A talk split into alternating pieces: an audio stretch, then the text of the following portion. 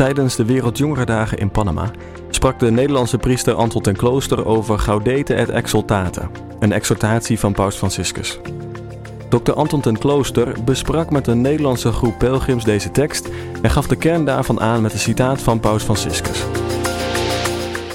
Mijn nederige doel is opnieuw de roeping tot heiligheid te laten klinken en te proberen deze vorm te geven in de huidige context met zijn risico's, uitdagingen en mogelijkheden. Dus om heilig te zijn is het niet noodzakelijk bisschop, priester of religieuze te zijn. We kunnen denken dat heiligheid is voor de mensen die er tijd voor hebben, maar uiteindelijk is het voor iedereen. Ik was als projectleider in Panama en hoorde deze boodschap. Het is een oproep die ik in mijn leven vaker heb gehoord en ik moet zeggen, ik vind het altijd mooi klinken. Ik concludeer dan ook dat ik als leek belangrijk ben en niet alleen bisschop en priesters. En vervolgens ga ik verder met mijn leven. Maar deze keer wilde ik dat niet doen. Wat betekent deze oproep eigenlijk? Kan ik echt een heilige worden? Een die wonderen doet, visioenen heeft? En zo ja, hoe dan? Ik besluit de komende maanden deze oproep van de paus serieus te onderzoeken. Dit is een podcast van katholiekleven.nl. Even kort over mij. Ik ben 30 jaar, getrouwd met Nina. Papa, mama gaan hier even praten, Eden. Ja, we willen even dat jij naar binnen gaat of ergens anders gaat spelen. En we hebben twee kinderen. Eden Dus we hebben z'n twee haaien in de zee. Zegt Angai tegen en Hi. Angai. En ik ben meester op de mooiste basisschool van Nederland, de Misha de Vries School in Vught. Oké, lief. Denk je dat er een mogelijkheid is dat ik heilig zou worden? Ik denk dat er wel een mogelijkheid bestaat, ja. Maar ook echt, zeg maar, niet alleen geheim heilig, maar echt heilig verklaard. Nou, je wil echt de hele poster op het Sint-Pietersplein en alles. Is, Dat dat, wil is, je. is er een kans dat dat gaat gebeuren? In jouw ogen? Moet ik daar nou op zeggen? Het zou kunnen. Wonderen doen. Wellicht. Wonderen doen, zweven, Je bent er nog niet. wielokeren. ik weet niet of dat een werkwoord is, maar... Ja, weet zou kunnen. Oké, van, ehm, van een schaal van 0 tot 100. Ja. 0 is echt totaal onmogelijk dat dat ooit zou gebeuren. En Ja. 100 is, ik weet zeker dat het ooit gaat gebeuren. 58. Oké, nou dat is, een, eh, dat is een voldoende. ja, in HAVO-termen en zo wel. Oké, en hoe zie je dat voor jezelf dan? Als ik heilig word, wat betekent dat dan voor jou? Ik weet niet, vind ik wel een beetje confronterend of zo. Dan moet ik wel nog meer mijn best gaan doen. Ja, dan verwacht ik ook iets van jou. Ja, dan gaat iedereen naar mij kijken, hoe leeft zijn vrouw dan? En de kinderen. Maar dan moeten we ons best gaan doen, schatje. nee. Nee. Ja, nou, volgens mij doen we niet zo slecht, hè? Hoe even dat alleen met opa zijn? Oh, nou oké, ik moet eer- eerst even opa iets vragen, ja? Pa. Ja. Waren er tekenen in mijn jeugd dat je dacht, deze jongen wordt heilig? Uh, nou, er waren in je jeugd wel heel veel dingen waar God jou beschermd heeft.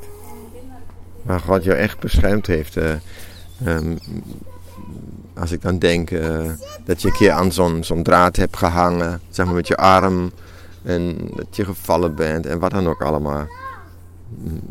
Dus dan, dan, toen, het was voor ons wel iets bijzonders dat jij eh, geboren werd. hè? Dus en, eh, dat hebben we vaker gezegd, dat je wat bijzonders in die zin bent. Maar eh, Oké, dus er is hoop. ja, dat is hoop. Ja, er, is, ja. er, is, er is een verhaal te vertellen als iemand, als iemand komt voor, voor een heilig verklaringsdossier, dan heb je al een verhaal. Ja, maar kijk, we kunnen natuurlijk op een andere manier heilig zijn. Je zei van het zweven en zo. Dat, Ja. dat, dat, dat zie ik dan niet zo. Maar, eh, of visioenen. Je hoeft ook niet per se vis- visioenen te hebben dan. Hè? Maar je kan ook op een andere manier heilig worden. Over 200 meter, de bestemming bevindt zich aan de linkerkant. Ik begin mijn zoektocht in het noorden van de provincie Groningen, in een dorpje met 200 inwoners genaamd Warfhuizen.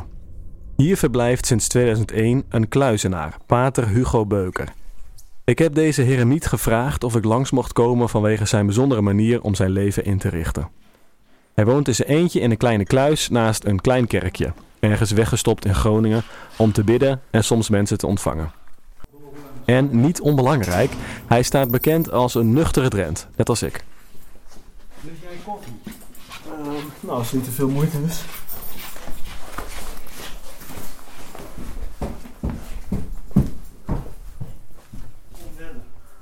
Ik ben in principe een gewoon eh, een normaal, onbijzonder persoon, als ik zo mag zeggen. Ik heb geen eh, wondertekenen in mijn jeugd gehad. Ik, heb, eh, ik ben niet per se heel erg matig in eten en drinken. Ik heb, ben niet heel erg geoefend in de deugden.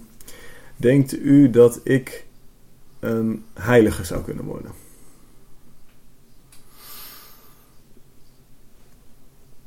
Ik denk dat wij allemaal eh, in aanleg eigenlijk al een soort knoppen van heiligheid zijn. Eh, kijk, dat vergeten we elke keer weer. Maar elk moment dat we bestaan, worden we aan onszelf gegeven. Het is niet zo dat wij geschapen zijn ooit eens, dat onze lieve Heer ons heeft bedacht, ons in elkaar heeft geknutseld en toen heeft bedacht, hè, dit is het dan. Maar hij schept ons elk moment van ons leven. Elk moment dat je je ogen open hebt en ook dat je ze dicht hebt, elk moment dat je ademhaalt. Alles wat je hebt en bent, krijg je van de goede God. Dat wil dus ook zeggen dat je eigenlijk voortdurend met hem in verbinding staat. Het is alsof je op zijn bloedsomloop zit aangesloten. Nou is het natuurlijk wel zo dat hij je ook je vrijheid gunt. En, en dat is natuurlijk waar deze hele moeilijkheid steeds weer vandaan komt. Elke keer mogen we we krijgen wie we zijn en we kiezen wie we zijn. En die twee in harmonie krijgen met elkaar. Wat hij ons geeft is per definitie heilig. Ehm, of toch in ieder geval de kiem van heiligheid. Maar het is op zichzelf ook al heilig. Het is iets wat mooi is en iets wat zuiver is. Ehm, vervolgens gaan we daar dan mee aan de gang. En dan ehm, merken we toch vaak dat wij eh, klungelig en niet al te elegant zijn de helft van de tijd. En eh, regelmatig gewoon ja, gestrekt liggen, om het zo maar even te zeggen.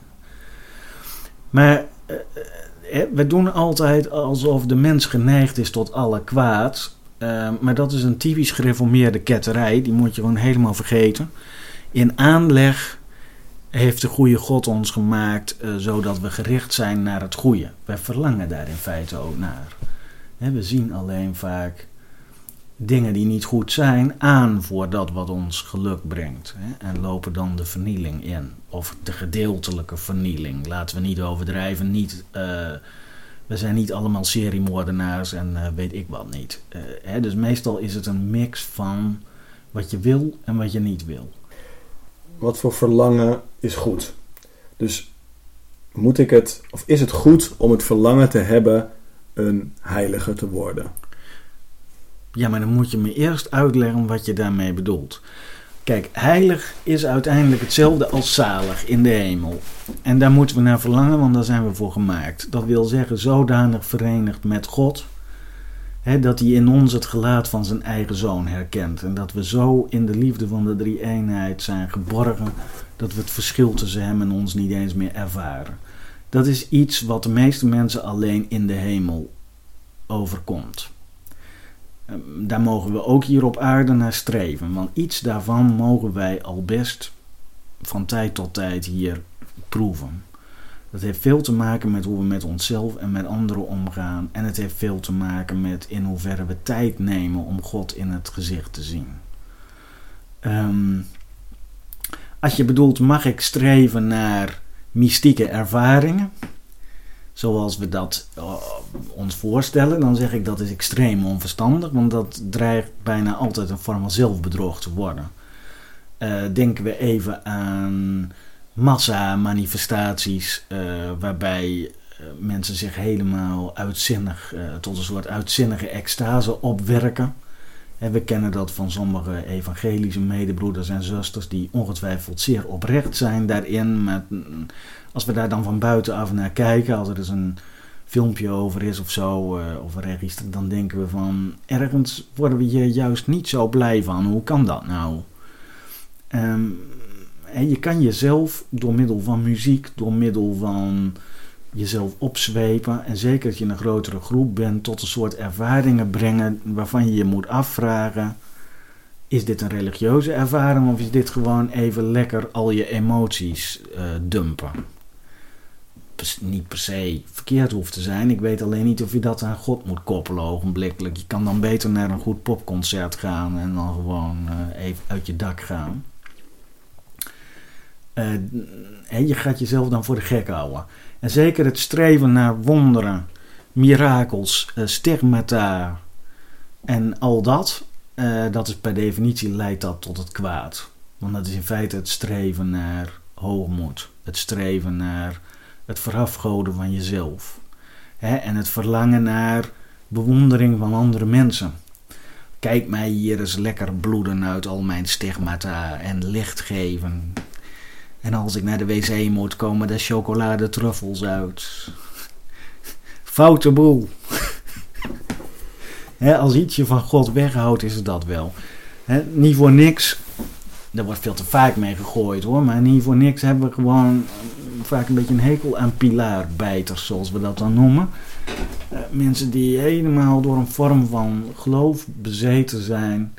Terwijl ze dat in hun gedrag naar anderen toe totaal niet uitstralen. Of op een hele kunstmatige manier. Hè, je kan op een ontzettend eh, onchristelijke manier christelijk zijn. Als je maar genoeg je best doet. Eh, En dat is soms nog best subtiel om te merken wanneer je die verkeerde afslag neemt. Ik zelf zeg altijd, maar ik heb de wijsheid ook niet in pacht, maar eh, empathie, dat is een goede graadmeter. Als jouw geloof te maken heeft met het verlangen ernaar om anderen te beminnen. En om de goede God te beminnen, dat is wat Christus zegt in het evangelie, dat is wat, wat de kern van, van de boodschap uitmaakt, dan komt het wel goed. Zodra die empathie begint te ontbreken, hè, je een soort van harde rechtgelovigheid krijgt, dan gaat het verkeerd. Dan kan mijn medemens mij nog wat bommen. Eh, of is het vooral belangrijk dat ze met bewondering mij naar de ogen staren? Is de ander een middel voor mij hè, om mijn onzekerheid te bestrijden? Of is de ander er omwille van zichzelf?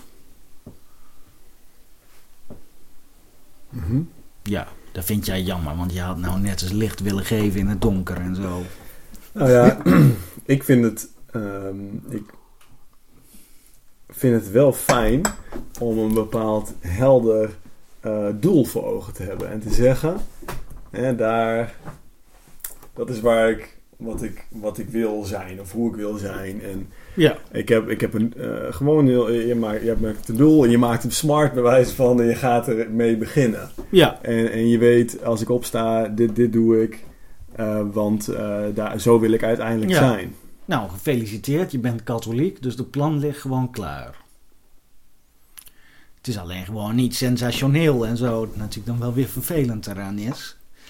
Dus dat plan ligt gewoon klaar. De kerk heeft daar al eh, honderden, duizenden jaren gewoon regeltjes voor. Dus eh, braaf naar de, naar de mis gaan, je sacramenten ontvangen. En proberen daar vervolgens uit te leven. En eh, wat natuurlijk nooit verkeerd is, is een mm, vast schema voor je gebedsleven. Kijk, wij tegenwoordig hebben natuurlijk heel ongeordende levens vaak. Het is goed om daar iets aan te doen. Het is voor elk mens bijna onmogelijk om een fatsoenlijk gebedsleven vol te houden als je niet een zekere regelmaat erin bouwt. En dat is tegenwoordig vreselijk moeilijk, maar het is wel essentieel. Dus als je, als je dat door de dag heen niet lukt, doe het dan bijvoorbeeld aan het begin en aan het eind van de dag. Maar hou je er dan ook van beton aan. Gaar of niet gaar, zin of geen zin. Eh, Zin hebben is trouwens überhaupt een, een, belangrijk fenomeen, misschien om even te noemen. Wat je wil is wat anders dan waar je zin in hebt. Eigenlijk zijn die twee vaak tegenovergesteld als je probeert een goed leven te leiden. Dus de zin, dat is je onderbuik en die wil eten of die wil seks of die wil luiwammersen. Of die wil eh, nu even lekker iemand verrot schelden wiens kopje toevallig niet aanstaat. Dat is zin hebben ergens in. En daar hebben wij geen van allen heel erg veel eh, sturing over. Dus daar hoef je aan de ene kant niet schuldig over te voelen, maar je moet er ook niet aan toegeven. En wat je wil, eh, dat is wie je wil zijn. Het gaat veel dieper. Dat is van wat wil ik voor mezelf en wat wil ik voor een ander. Dus het jezelf oefenen in niet steeds toegeven aan waar je zin in hebt, maar eerder je wil eh, zijn zin te geven. En dat kan dan mm, met kleine dingen. Je kan zelfs het beste beginnen ook met kleine dingen. Want grote dingen, die, daar breken we vaak in eerste instantie onze nek over. Dus wanneer je enorme zin hebt om nou eens een mars uit de automaat te trekken, zou je ervoor kunnen kiezen om dat in de vaste bijvoorbeeld eens over te slaan. Wanneer je zin hebt om je nog een keer om te draaien, kan je er toch gewoon uitgaan. Ook als het niet per se hoeft. Wanneer je geen zin hebt om te bidden, eh, kan je er toch gewoon aan beginnen. En eens kijken of je toch, eh, zal ik maar zeggen, daarmee vooruit komt. Gewoon mm, simpele alledaagse dingen met liefde doen. Daar gaat het om. Dan liefde niet als een gevoel, maar als wat je wil. Want liefde is in feite ook geen gevoel. Verliefdheid wel, maar liefde niet. Liefde is dat je van harte wil dat de ander is. Dat je voor die ander het beste wil. Dat je eh, je verheugt in het bestaan van een ander. Maar dat hoeft niet per se altijd gevoelsmatig zo te zijn. Dus dat je, je dat waar je zin in hebt, af en toe eens even blokkeert en je wil probeert te oefenen. En dat verrekt moeilijk. Dus dat is iets wat leven lang duurt. En wij eh, monniken in zwarte soepjurken hebben daar net zoveel moeite mee als iedereen anders. Dus wij hebben ook echt niet het recht om een grote mond over te hebben. We hebben allemaal zo onze kuren en allemaal zo elke dag ons, eh, ons kleine oorlogje daartegen.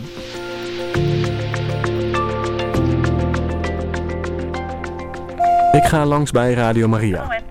Een plek waar ik vijf jaar na mijn studie gewerkt heb.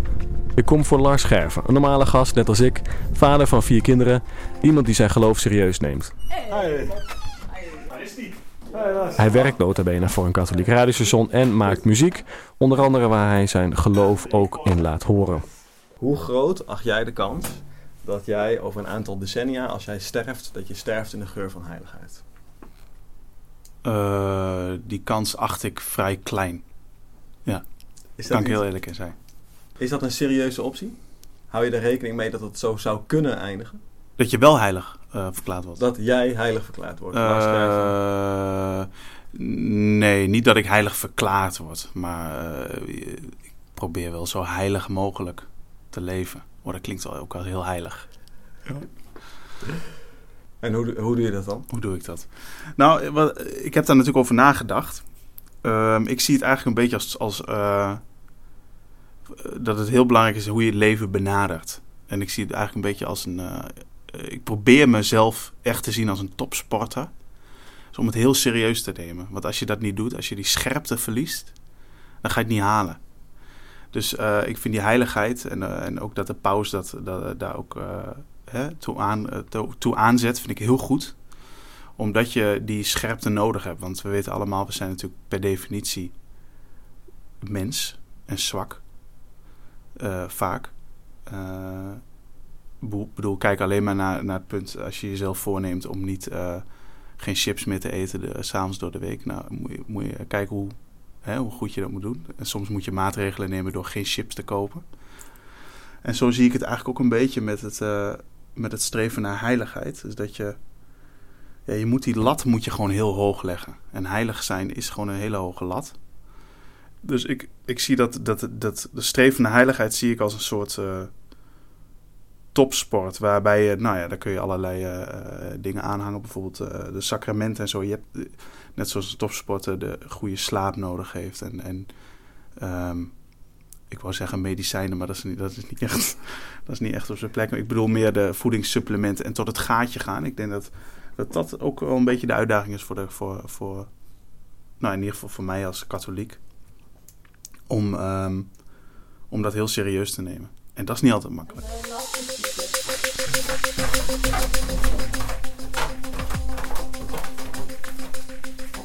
Dankjewel.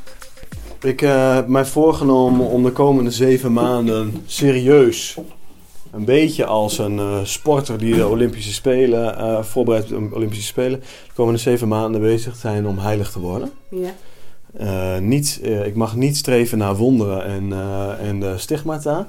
Ja. Dat, is, dat was volgens Pater Hugo niet een goed idee. Maar ehm, heilig worden is een goed streven. Mhm. Ehm, dus ik zou wel graag iets van resultaat willen zien. Ik bedoel, ik, ik, ik wil het dan wel een beetje eh, bijhouden en kijken of ik ook echt merk dat er iets, of er iets gebeurt of niet. Mhm. Eh, dus ik wil jou vragen of jij dat ook op kan letten om te zien of jij iets, een verschil aan mij merkt. Oké, nou, zal ik doen. Want in theorie is het dus zo dat als ik heiliger word, dat ik meer ehm, liefde voor jou heb, meer empa- empathie heb Oh, nice. voor jou. En dan als, de, als iemand het dus moet merken, in eerste instantie ben jij Ben ik het. het. Oké, deze goed, zal ik opletten. Dit was een podcast van katholiekleven.nl. Bedankt voor het luisteren.